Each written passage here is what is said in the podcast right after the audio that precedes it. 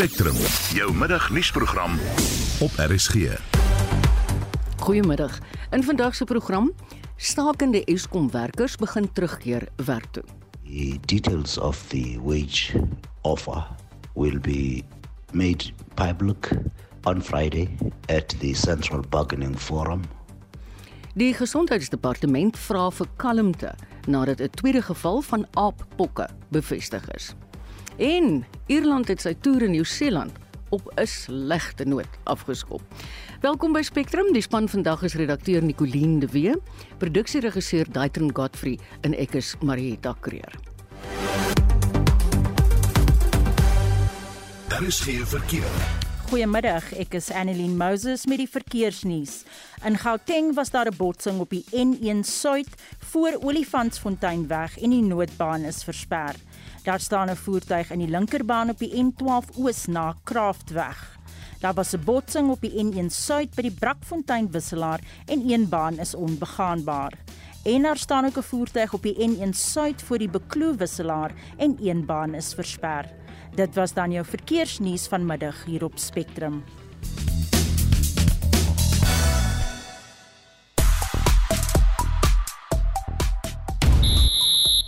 Serena Williams slaan aftree vure dood. Sy's lus om later vanjaar in die fees oop te speel.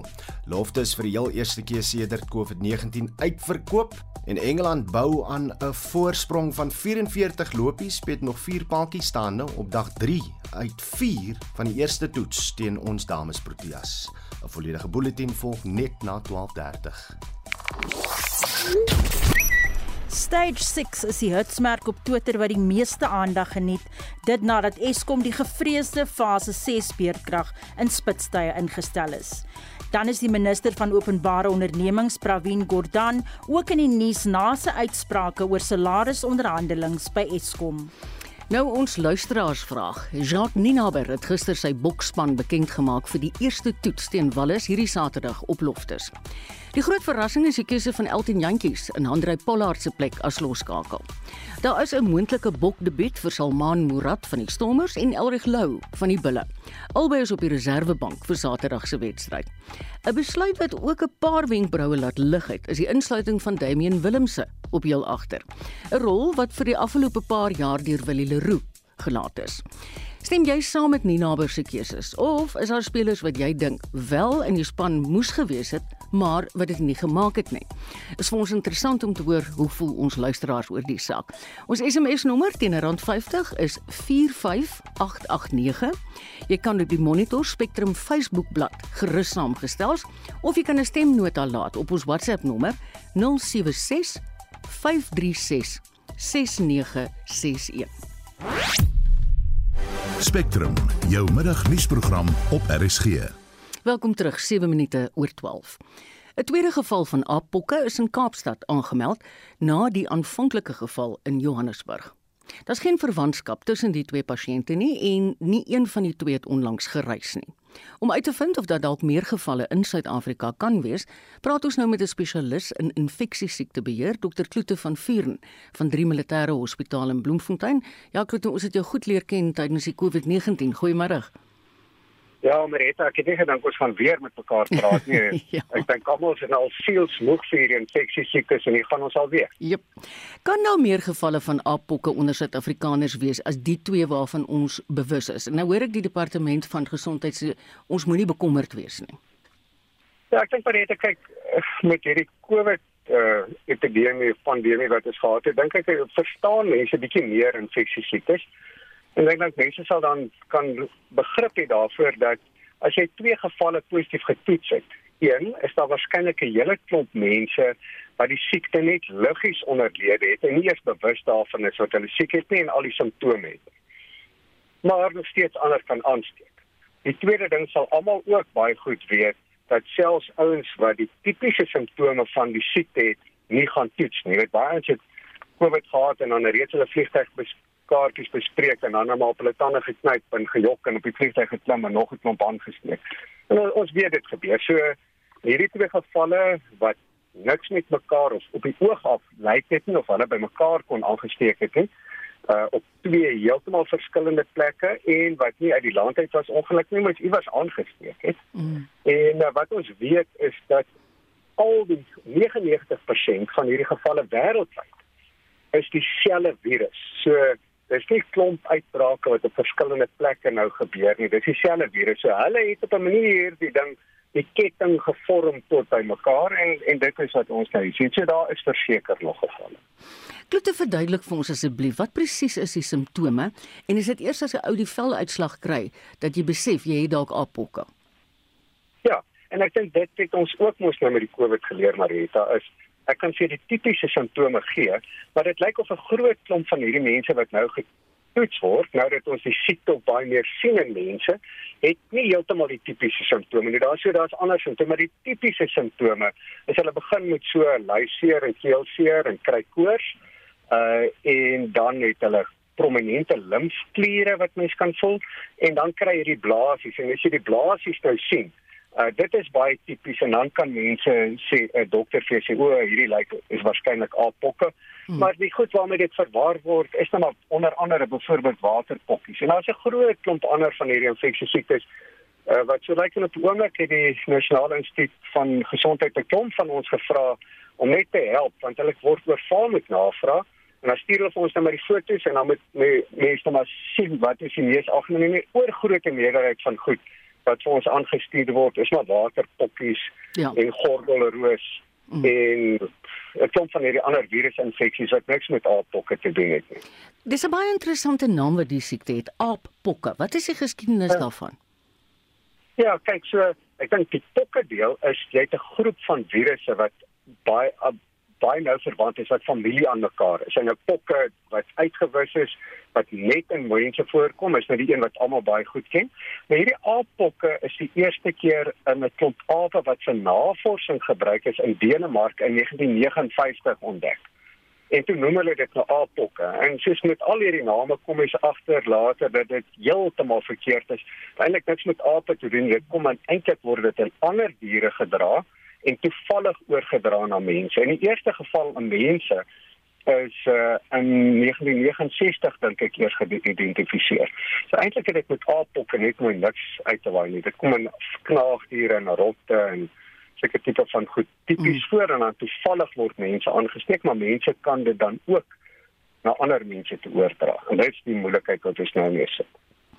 Kan 'n mens jou laat inent? En die tweede vraag wat ek in, in dieselfde asem wil vra is, as 'n mens ingeënt is teen waterpokkies, gaan dit dalk help?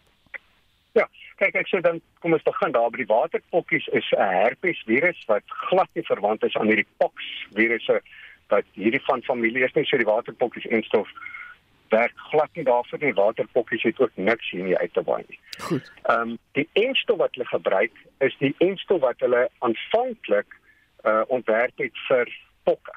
En ons weet dit beskerm baie goed teen aappokke ook. Die probleem daarvan is op die oomblik is daar niks hiervan in Suid-Afrika beskikbaar nie.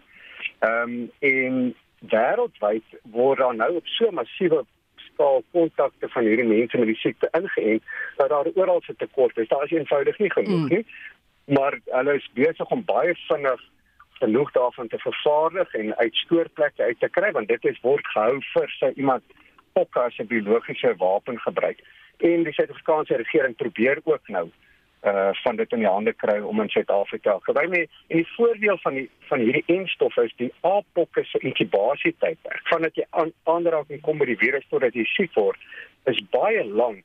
So as jy iemand het, kan jy nog steeds hulle kontakte immuniseer en voorkom dat hulle siek word in teenstelling met byvoorbeeld die koronavirus waar so 'n strategie ja glad nie werk. Dis baie gerusstellend. Baie dankie. Dit was die spesialis in infeksie siektebeheer, Dr. Kloete van Vuren van die 3 Militêre Hospitaal in Bloemfontein. 1213. Daar is nog geen teken van 'n ANC konferensie in die Wes-Kaap nie, al kruip die spertyd van einde Junie wat die nasionale uitvoerende komitee daar gestel het, vinnig nader. Die Vrystaat is nog 'n provinsie wat nog nie gereed is om 'n provinsiale konferensie te hou nie. Vir meer hieroor gesels ons nou met die dekaan van die departement Geesteswetenskappe by Akademia, professor Pieter Duvenage. Goeiemôre Pieter. Goeiemôre Marieta. Wat is die redes hoekom hierdie twee provinsies nog nie gereed is om hulle konferensies te hou nie? Wel, ek sê dit gaan maar oor administrasie, bestuur, jy weet, faksievorming in daardie provinsies en dan dit is veral die tak registrasie uh proses wat altyd maar die probleem is jy weet. Ons het dit elders gesien. Ehm um, dit lyk my in hierdie twee provinsies jy verwys nou na die Wes-Kaap en die Vrystaat gaan dit ook maar moeilik.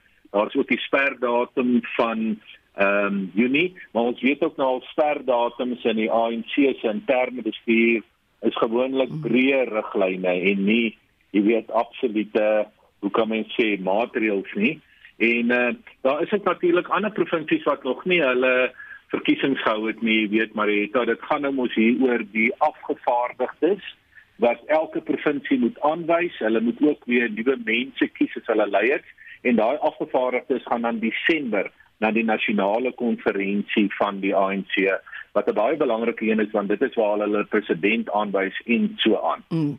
Pieter, die Wes-Kaap is 'n provinsie waar die ANC verskriklik swak gevaar het. Kan hy dit bekostig om nie 'n geslagte konferensie te hou nie? Wel, ek sou sê net uit 'n bloot bestuursoogpunt is dit belangrik dat die Wes-Kaap 'n goeie geslagte konferensie hou, jy weet. Uh, maar die die ding is net maar so die Wes-Kaap is 'n mindere provinsie van die ANC. Kyk, die sterk provinsies met die groot afgevaardigdes en waar die leierskapskort van die ANC gewoonlik hulle fokus op het, is maar die KwaZulu-Natal, jy weet die Mpumalangas, die Gautengs en 'n bietjie die Noordwes en die Vrystaat. Jy weet dit is maar die belangrike provinsies in terme van getalle van afgevaardigdes. Die Wes-Kaap is 'n kleiner provinsie. Dis 'n dis 'n sekere sin 'n minder belangrike provinsie, maar tog simbolies belangrik want die ANC het nou oor jare hard probeer om beter in die in die in die Wes-Kaap te doen omdat die DA so groot sukses is daar en tweedens omdat ook die parlement, jy weet, hmm. gesetel is in die Wes-Kaap. So vanuit net daardie oogpunt um, is die Wes-Kaap ook nie vir die ANC to, uh, uh, totaal uh, onbelangrik nie. Kom ons beweeg na die Vrystaat. Dui die feit dat hulle nog nie 'n konferensie gehou het nie op interne strewelinge dink jy? definitief want kyk ons is nou al bekend met die Vrystaat self onder uh jy weet meneer Eys Magashule wat vir jare daar jy weet 'n tipe van 'n hoe sou mens dit noem 'n autoritaire en 'n baie sterk ehm um, ehm um, 'n tipe van 'n ehm um, beleid gevolg het binne die ANC was daar nog steeds faksies onder hom en teen hom en daai faksies het maar net geprolifereer in die laaste ruk en ek dink dis die rede hoekom daai konferensie ook nog nie in die Vrystaat plaasgevind het nie. Die groot punt is net uh, natuurlik, jy weet Marietta, wie word die leiersfigure in so provinsiale verkiesing? Met die takke wat daar is en al die mense van die grond wat daar is uit die verskillende takstrukture om nou die nuwe leierskap te kies. Want dit is baie belangrik vir president Ramaphosa wie is die persone wat as leiers na vore gaan kom in die provinsies want hulle lei dan die afgevaardigdes Desember na die nasionale konferensie toe. En tot dusver het dit eintlik met president Ramaphosa baie goed gegaan. Jy weet as jy kyk die Noord-Kaap, die Oos-Kaap, Limpopo en Gauteng het al reeds hulle verkiesings gehad en daar's oorwegend Ramaphosa mense in die leierskap gekies. En ek verwag ook in die Wes-Kaap sal daar 'n Ramaphosa gesteende uh, figuur of figure na vore tree om die provinsie te lei, maar die groot vraag is nou die Vrystaat. Mm. Jy weet gegee die geskiedenis van meneer Magashule, gaan die leiersfigure daar nie dalk anti-Ramaphosa mense wees nie. Pieter, nou as ons kyk hier in Gauteng, ons het hier duik nou 'n nuwe woord op, die kwarantainstemme. Ja. Wat sal nou met hierdie proses in Gauteng gebeur? Kyk, dit die kwarantainstemme verwys eintlik na die streekskonferensie van Ukuruleni wat een van die drie groot streke is binne Gauteng. En daar het meneer Mzwandile Masina gewen en daar was toe 'n dispuut oor die stemme. Um, en daar was 'n kontakke wie se stemme nie getel is nie en dit is onder kwarantyne geplaas. Maar dit was gelukkig uh vir meneer Masina net 19 stemme wat nie werklike uitslag Uh, kyk, hy het net net gewen, maar hy het 'n bietjie meer as 19 stemme meer gewen in mm. Okoroleni. Mm. En meneer Masina is interessant, is 'n sterk ondersteuner van meneer uh, Lesofie wat nou die ehm um, wat verkies is as die leier van die ANC in Gauteng die afgelope naweek. So ek verwag as jy my vra dat hierdie ding van die kwarantainstemme 'n stille dood sal sterf want meneer Masina is nou die luitenant van meneer Lesofie en hy is in beheer van die hele Gauteng. Ek dink die Ukuruleni streek sal maar daarby moet berus dat meneer Masina is nou hulle leier alhoewel hy net net gewen het. Baie dankie. Dit was die dekaan van die departement Geesteswetenskappe aan Akademia, professor Pieter Duvenage. Lede van die ANC se burgemeesterskomitee van die Teewaterskloof munisipale raad het meer as 4,3 miljoen rand aan BBP sekuriteit bestee. Volgens die DA in die Weskaap is hierdie uitgawes nie deur die raad goedgekeur nie. Volgens Martie Koeglenberg, die DA se kiesafdelingsvoorsitter van die Teewaterskloof munisipaliteit, sê die DA aan die Weskaapse minister van plaaslike regering om 'n dringende eksterne ondersoek na hierdie saak in te stel. Ek dink die belangrikste ding wat ons mekaar moet sê is dat die 4,3 miljoen is nie 'n bewering nie.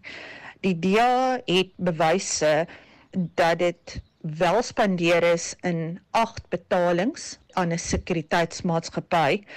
Daar is alselfs 'n interne audit gedoen met 'n bevinding van die interne ouditeur van Teewaterskloof. Volgens die koalisieregering is alle regulasies gevolg. Die DA bevraagteken dit natuurlik uit die aard van die saak hens die feit dat dit voor 'n spesiale komitee dien om ondersoek te word. Hulle praat van wat hulle noem upper limits dat mense reg het tot sekuriteit en die DA wil wil dit baie duidelik stel. Geen mens se lewe moet in gevaar wees nie en publieke amptenare verteenwoordigers moet beskerming geniet. Maar teen daardie prys wonder 'n mens of ons werklik ware vir geld gekry het. Praat met ons oor die faktore van hierdie eksterne of onafhanklike ondersoek wat jy wil voer. In die munisipale finansiële wet maak hulle voorsiening artikel 32 vir 'n komitee wat ons nou noem uh, artikel 32 komitee. Uh, hierdie komitee is 'n veelparty komitee. Dit bestaan gewoonlik uit Myko en dan lede van die oppositie en hulle ondersoek dan onreëlmatige spandering. Hulle doen dan ook 'n aanbeveling aan die raad waar hulle dan vir die raad meedeel of hulle ondersoek 'n rede tot kommer gebring het. Is daar iemand wat verantwoordelik gehou moet word vir raspandering of het die munisipaliteit inderdaad ten spyte van die feit dat dit onreëlmatig was ware vir geld gekry. Die huidige koalisieregering wil hierdie veelpartytjie ontbind en 'n alternatiewe komitee die saak laat ondersoek. Hierdie alternatiewe komitee word voorgesit deur die EFF en die twee ander lede is van die koalisie self. Dit beteken die integriteit van oorsig word gekompromieer. En dit is waarom die DA dit bevraagteken. Ons is dus van onder, van mening dat daar 'n indringende ondersoek gedoen moet word um, en ons wil vir die minister van plaaslike owerheid vra om daai ondersoek te doen. En dan is daar die kwessie van die beweerde uitbetalings aan die munisipale bestuurder en die hooffinansiële beampte. Wat is die omvang van daardie omstrede situasie? Dit is eintlik al die sage van kader ontplooiing en wat hulle in Engels noem cleansing. Die MM en die CFO is al twee min of meer 2 maande uitmekaar geskort met volle salarisse tot op hede is daar geen dissiplinêre verhoor plaasgevind vir enige van die geskorste amptenare nie. Intussen is daar waarnemende kaders in die MM en CFO se plek aangestel. Dit is nou al amper 6 maande waar daar dubbele salarisse betaal word en dit is nie net hierdie twee persone nie, daar is ook verdere skorsings gewees. Nou na amper 6 maande word daar pakkette met die MMCFO onderhandel wat blykbaar ook miljoene beloop. Ek moet dit duidelik stel dat hoeveel miljoene weet ons nog nie. Daardie item sal heel moontlik eers donderdag voor die raad dien en dan sal die kokesleier daarop reageer. Die DA het die regerende koalisie elke keer gewaarsku, hulle beskuldigings is ongegrond en gaan vir belastingbetaler miljoene kos. Dit het uitgedraai om so te wees. Die skikkings was nog nie voor die raad nie, soos ek gesê het, en ons sal maar moet sien met wat die regerende koalisie vorendag gaan kom donderdag by die raadsvergadering. So sê Martie Koeglenberg, die DA se kiesafdelingsvoorsitter van die Teewaterstoof munisipaliteit in die Wes-Kaap, en sy was in gesprek met Vincent Mofokeng. 1224. Eskom sê werknemers het vroeër vandag vreedsaam teruggekeer werk toe. Die vakbonde NUM en NUMSA sê hulle het hulle lede gevra om terug te keer na 'n nuwe aanbod van Eskom.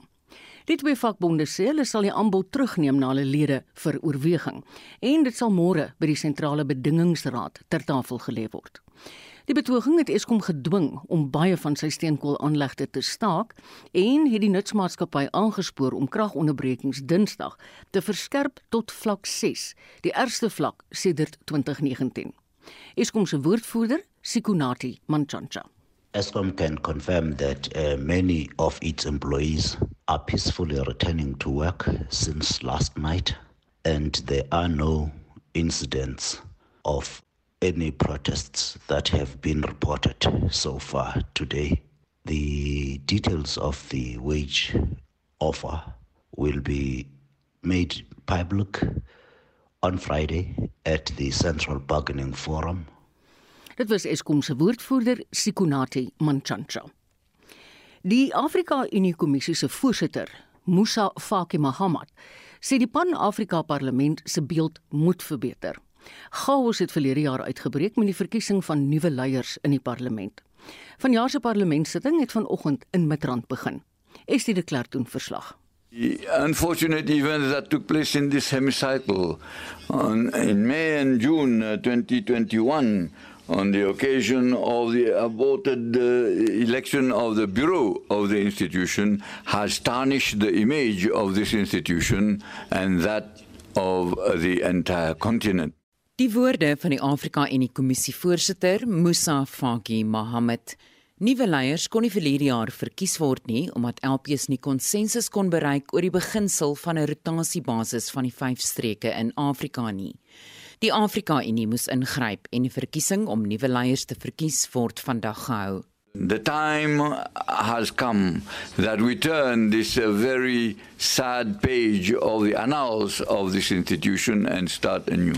So it is high time that we renew with uh, a with a behavior that has always marked the, the Pan African Parliament and which has been a source of pride for the African Union. Suid-Afrika se voortdurende beerdkrag was ook bespreek nadat verrigtinge vanoggend deur beerdkrag vertraag is. Pemi Majadina is 'n lid van die Suid-Afrikaanse en die Pan-Afrika Parlement. We have to fix the issue of electricity as uh, we have been delayed in this session because of load shedding. However, this area was supposed to have been exempted.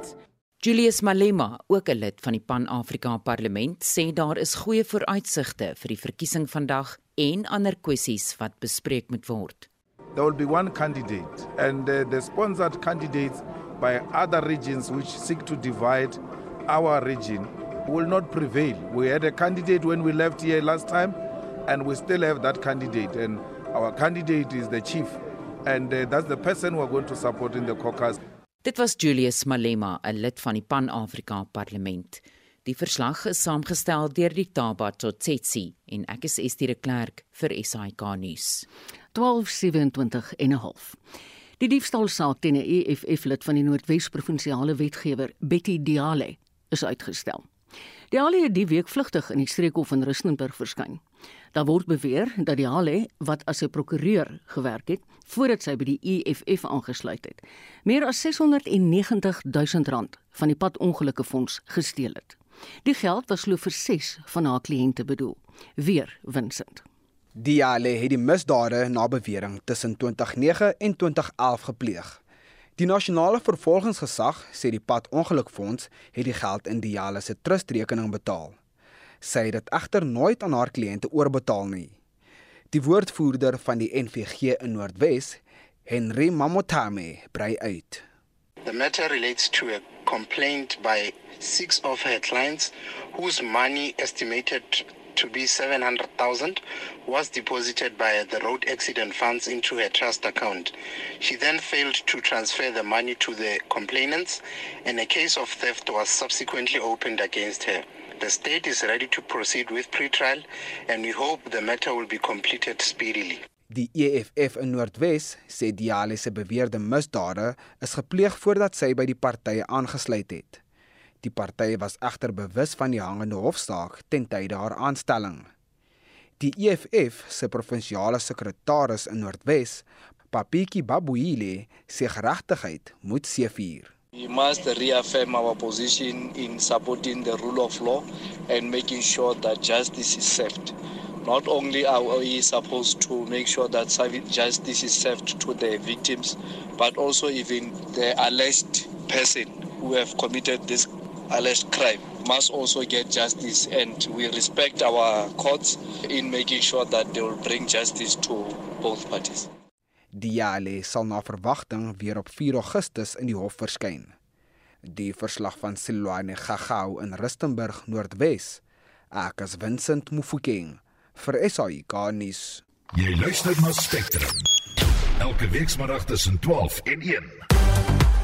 In die volgende halfuur, voedselbedrog in Afrika word deur kenners in Johannesburg bespreek.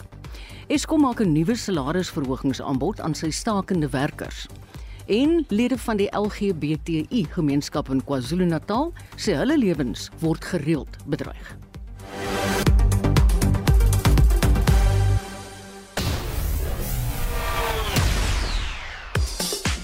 Nou is dit tyd vir sportnuus. Hier is Udo Karlse. Ons begin met rugby nuus en as jy nog 'n kaartjie soek vir Saterdag se eerste toets teen Wallis, vergeet daarvan. 50000 kaartjies is uitverkoop 'n volle 4 dae voor die wedstryd. Hier is president van die Bulle, Willem Strauss. Fantastiese nuus. Ons is uitverkoop op Fort Loftus vir eerskomende Saterdag se toets tussen die Bokke en Wallis. Sekerlik die eerste keer in baie jare en ek dink net 'n bewys dat mense baie honger is om weer by groot sportbyeenkomste byeen te kom en ook die feit dink ek dat die rugby kultuur in Pretoria weer sterker leef het danksy die Woudekom Bulle se prestasies. So ons sien uit na 'n groot en 'n uh, opwindende gebeurtenis eerskomende Saterdag en dit is ook 'n geleentheid om die wêreldkampioene dan vir die eerste keer voor 'n skare te sien speel in Suid-Afrika. In tennis nie het Serena Williams wel haar eerste ronde wedstryd by Wimbledon verloor, maar was gou om aftree vlamme te blus. Inteendeel, die 40-jarige wat gister in 3 taai-stelle teen Frankryk se Harmony Tan verloor het, sê sy is nou meer as ooit gemotiveer om later vanjaar aan die fees oop deel te neem. Flushing Meadows was natuurlik die plek waar Williams haar heel eerste Grand Slam titel ingepalem het. In van vandag se wedstryde speel eerste gekeerde Novak Djokovic teen Thanasi Kokkinakis. In die dames enkelspel speel derde gekeerde Tunisiër Ons Jabeur teen Katarzyna Kawa. Die tweede gekeerde Anet Kontaveit kom ook teen die ongekeerde Jules Niemeyer te staan. En in 'n brokkie cricketnuus gaan daar harde werk voorlê vir ons dames Proteas op dag 3 van die eerste toets teen Engeland. Die Engelse span het vroeg op dag 3 kom voortbou op 'n voorsprong van 44 lopies. Die telling vanoggend 328 vir die verlies van 6 paaltjies danksy 'n sprankelende vennootskap van 207 lopies om die 6ste paaltjie tussen Nat Siver en Alice Davidson Richards. Albei ook al eerste toets honderdtalle aangeteken. Davidson Richards was uiteindelik uit vir 107 lopies van 194 balle danksy die balwerk van Tumi Sekukune. Siver het vandag weer stelling voor die paaltjies kom inneem met haar telling op 119 nie uit nie. Ja, ek moet jou sê Udo, weet jy, hulle moet eintlik van Silver definitief vinnig ontslaa raak. Sy staan nou op 131 en saam met haar is Eccleston op 11. Die Engelse se telling 351 vir 6. Jy luister na Spectrum op RSG. 22 minute voor 1. Daar is sprake dat westerse leiers druk plaas op die gasheerland van die G20-beraad, Indonesië, om nie die Russiese president Vladimir Putin by die beraad te ontvang nie. Die Kremlin het dit duidelik gemaak dat Putin reeds 'n uitnodiging ontvang het, asook aanvaar het. Vir meer oor hierdie gewigtige saak, praat ons nou met 'n politieke ontleder verbonde aan Unisa, professor Joansi van Wyk. Hallo Joansi. Goeiemôre Marita. Ek het baie van jou verslae uit Europa gehou. Dankie daarvoor. Sal Indonesië nee, sal Indonesië swig onder internasionale druk dink jy? Dit is nog 'n moeilike vraag want die beraad is eers in November verjaar en soos ons weet kan daar nog baie water in die see loop intussen. Ehm um, hierdie um, situasie rondom Putin het natuurlik nou uh, ontstaan al van van Maart toe president Biden van die VSA aangekondig het dat hy nie ten gunste is dat um, Rusland wel moet deelneem en of uitgenooi kan word nie. En ons het nou 'n nuwe kwartet van die ehm um, Russe gesien maandag mm. wat wel gesê het dat Putin wel gaan deelneem aan die aan die goed. Nou wat dit alles natuurlik kompliseer is die inval in Oekraïne maar dan ook die feit dat president Zelensky uitgenooi is om die vergadering toe te spreek. Nou Oekraïne is nie 'n lid van die G20 nie ehm um, wat dit natuurlik nou bietjie moeilik maak want dit is nou weer 'n afspeel tussen uh, die die, die partye partye tot die konflik. En, en ons weet nou dat dit 'n soort van 'n diplomatieke ritueel gehad dat geword dat um, Zelensky nou groot byeenkomste toespreek. Rusland is 'n belangrike akteur of dan nou 'n lid van hierdie G20 lande. Ons weet dat Rusland sy posisie as 'n G7 land land lidland verloor het as gevolg van sy swak ekonomiese agteruitgang. Maar vir die uh, Russiese bevolking en regering is dit nog belangrik om hierdie posisie in die G20 met ander woorde die wêreld se 20 grootste ekonomieë of mees invloedrykste ekonomieë dan nou um, aan hierdie groep te kan deelneem. Um, as Rusland nie deelneem nie, gaan daar natuurlik nou sekere belonings vir Indonesië wees om dan 'n standpunt in te neem, maar ek dink tog dit gaan baie moeilik wees om Putin wat nie noodwendig in persoon hoef deel te neem nie, um, om dit weg te hou van die ehm um, uh, konferensie. Hoekom is dit belangrik dat Rusland wel deelneem? Ek dink daar is tog 'n poging om Rusland nie net ekonomies te ehm um, isoleer nie, want dit is 'n groot ekonomie, hoewel nie van die grootstes nie. Rusland is nodig om voedselsekuriteit te bewerkstellig. Ons weet nou dat Rusland het 'n klomp van groot volumes van Oekraïne se se koring alreeds weggevoer na Rusland toe en wat natuurlik op die internasionale mark uh, kan beland. Rusland is ook dan nou deel van die institusie van die G20. Ehm um, dit het byvoorbeeld Sherpas wat betrokke is by die werkgroepe, maar dan ook die invloed wat Rusland het as in die groter ehm um, streek dan nou die G77 die nie uh, af die onverbonde beweging byvoorbeeld so en natuurlik nou die uitspraak van die G7 in hierdie week wat gesê het maar die dialoog met Rusland moet plaasvind. Maar dan die groot dilemma, wat maak ons met Oekraïne en natuurlik die feit dat dat Rusland uh, homself aangedra in die internasionale gemeenskap. Jy het nou verwys na Putin wat net uh aanlyn kan bywoon as hy wil. Dink jy dit is hoe Zelensky hulle sal toespreek?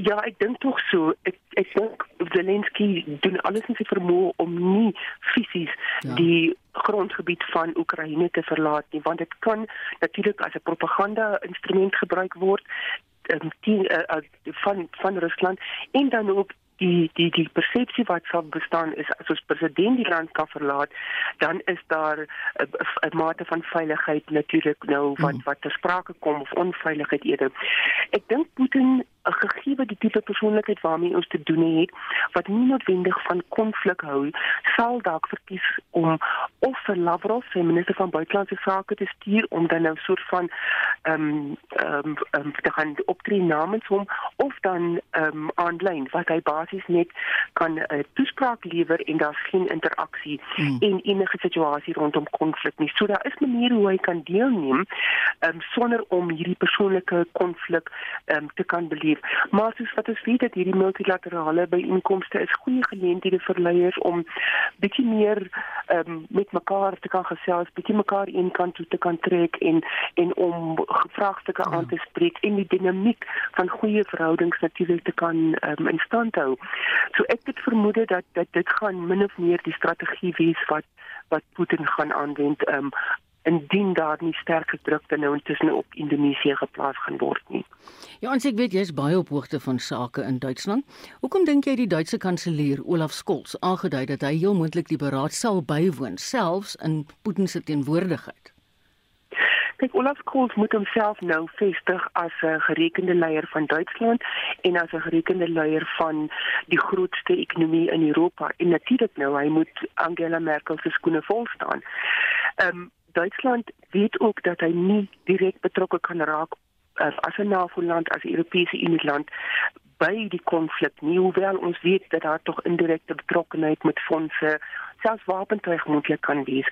En natuurlik ons weet die Europese winter lê voor, daar moet 'n mate van energie um, sekuriteit ehm um, natuurlik um, reeds onderhandel kan word en dan die groot um, debat wat aan die gang is, wat doen ons met Rusland? Isoleer ons hierdie land totaal en al ekonomies of polities of hou ons die kanale oop dat ons wel kan gesels met die hoop om dan een of ander vergelyk te kan kry. En Olaf Scholz is natuurlik nou ook ehm um, baie betrokke ehm um, by hmm. die nuwe lede wat daar kan toetree tot Oekraïne. Dit is ook 'n ontvangerland van baie vlugtelinge uit Oekraïne en dan die roete dat dat um, diplomatie en dialoog is maar eintlik die manier om met Putin ja. te te te kommunikeer.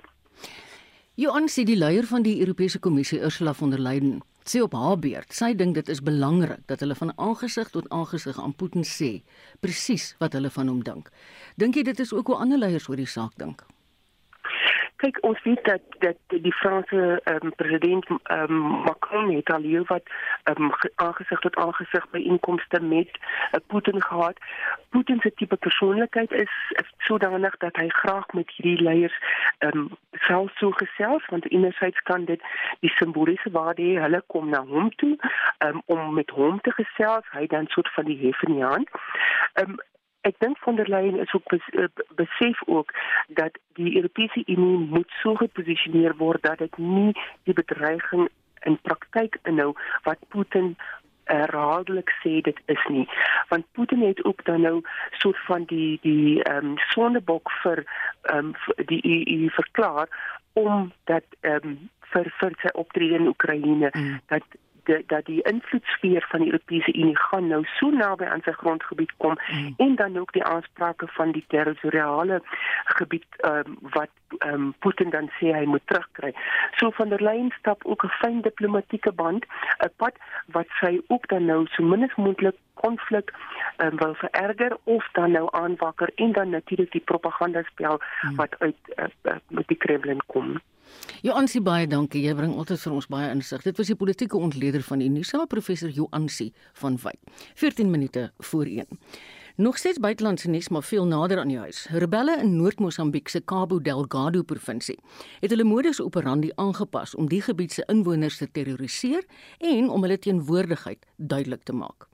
Dit is moontlik gemaak deur die hulp wat die groep van die Demokratiese Republiek die Kongo gekry het. So sê 'n sekuriteitsspesialis van die Instituut vir Sekuriteitsstudies in Pretoria, Willem Els. Hy het die prentjie in ons buurland vir Anita geskets. Die situasie het grootliks gestabiliseer tot 'n mate van waar dit was voordat SAMIM die Rwandese magte inbeweeg het. Toe het hulle redelik vinnig die ding gestabiliseer in die twee distrikte waar eh, Rwanda die ding doen. Ons sien SAMIM onder die Suid-Afrikaanse leiding het ook redelike suksese gehad. Ja, ons het een man verloor, maar wat toe gebeur het is die insurgente het begin om te hergroepeer en geherorganiseer. Ons het ook inligting gekry dat hulle versterkings gekry het vanaf die Kongo die DRC waar hulle dan opgelei was. Toe die versterkings nou ingekom het, het hulle in klein groepies begin beweeg en hulle het baie baie uitgesprei en in tradisionele distrikte waar daar nou nie konflik was nie, het ons aanvalle gesien.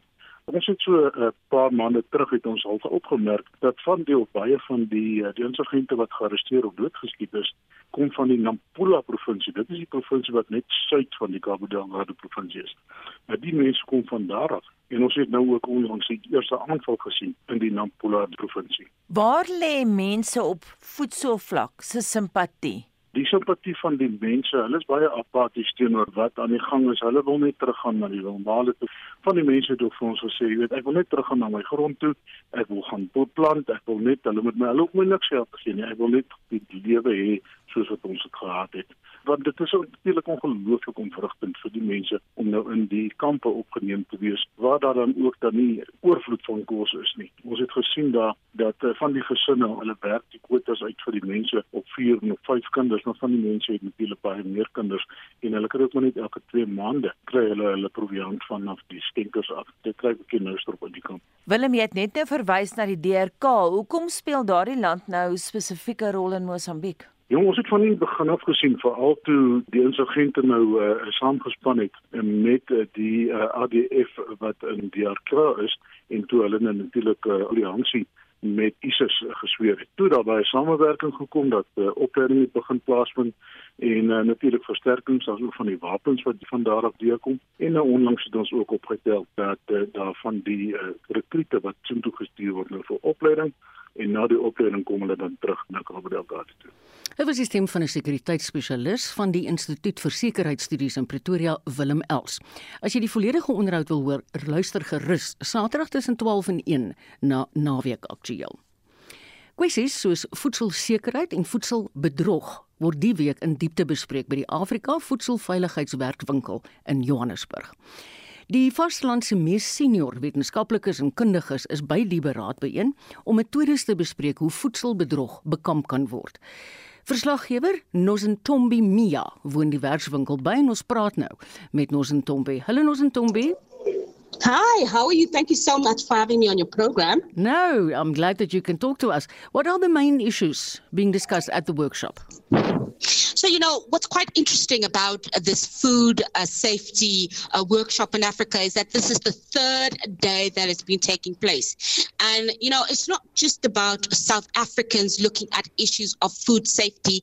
There's 250 delegates from 35 African countries that have made their way here uh, in Kempton Park at Empress Palace to talk around the critical issues of food safety. And, you know, it's something that we sort of take for granted that we assume that the food that we buy uh, from the stores have been tested, quality tested, mm-hmm. and are safe for consumption. But you know, as the issues come up and some of the, the key issues such as quality testing, testing methods, ensuring that um, from the very ports that we have, the trade between the importing and the exporting of foods uh, between different countries, the food that is imported from outside is checked and that the food that we export to our trade partners such as uh, trade partners from Europe, China. America and the rest of the continent is quality tested, quality checked to mm. ensure that it is safe from toxins such as pesticides. It's uh, safe from any other chemical mm. uh, toxins that could possibly uh, create a bad reputation for the quality standard of food coming from South Africa to our trade partners overseas. Nozi, please explain to me what exactly is food fraud? So, food fraud is quite an interesting one. And I'm going to give you an analogy that uh, the CEO of, of the National uh, Meteorology Institute explained to me. He said, when you go and you buy a bottle of wine, red mm. wine, mm. you expect that that bottle of red wine will have the juiciest, freshest uh, uh, grapes harvested from any, uh, you know, winery, uh, and that the quality of those grapes in that wine will be of the of the highest, utmost quality, free from chemicals, and and and organic, as organic as possible.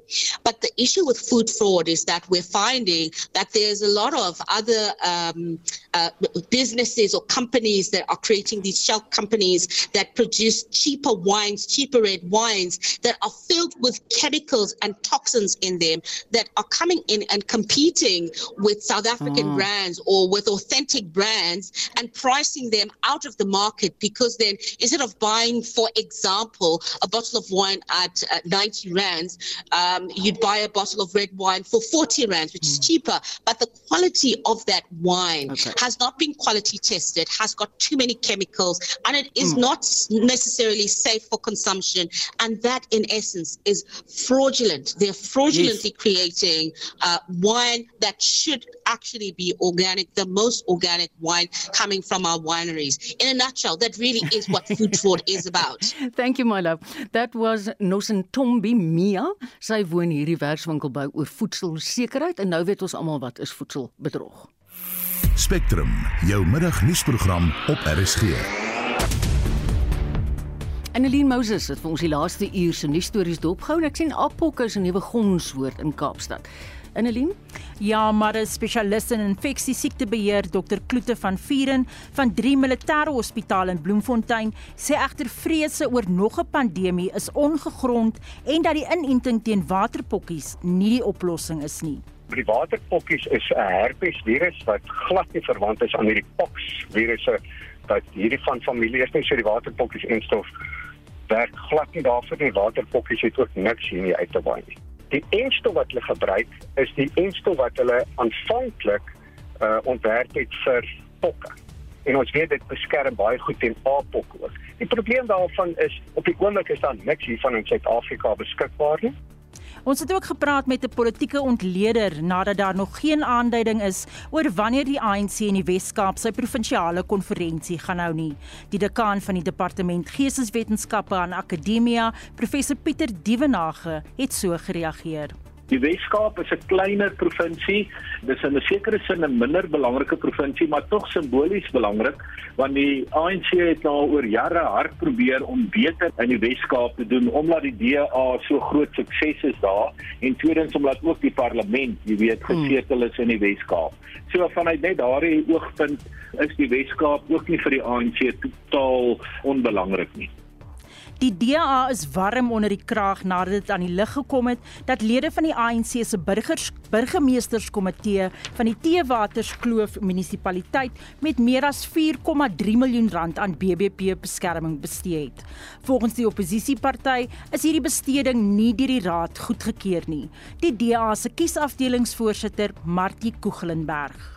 Die DA het bewyse dat dit wel spandeer is, daar is alselfs 'n interne audit gedoen met 'n bevinding van die interne ouditeur van Teewaterskloof. Volgens die koalisieregering is alle regulasies gevolg. Die DA bevraagteken dit natuurlik. Baie dankie aan Annelien vir hierdie samevatting van vandag se nuus en daai laaste bydraer was Martie Koeglenberg.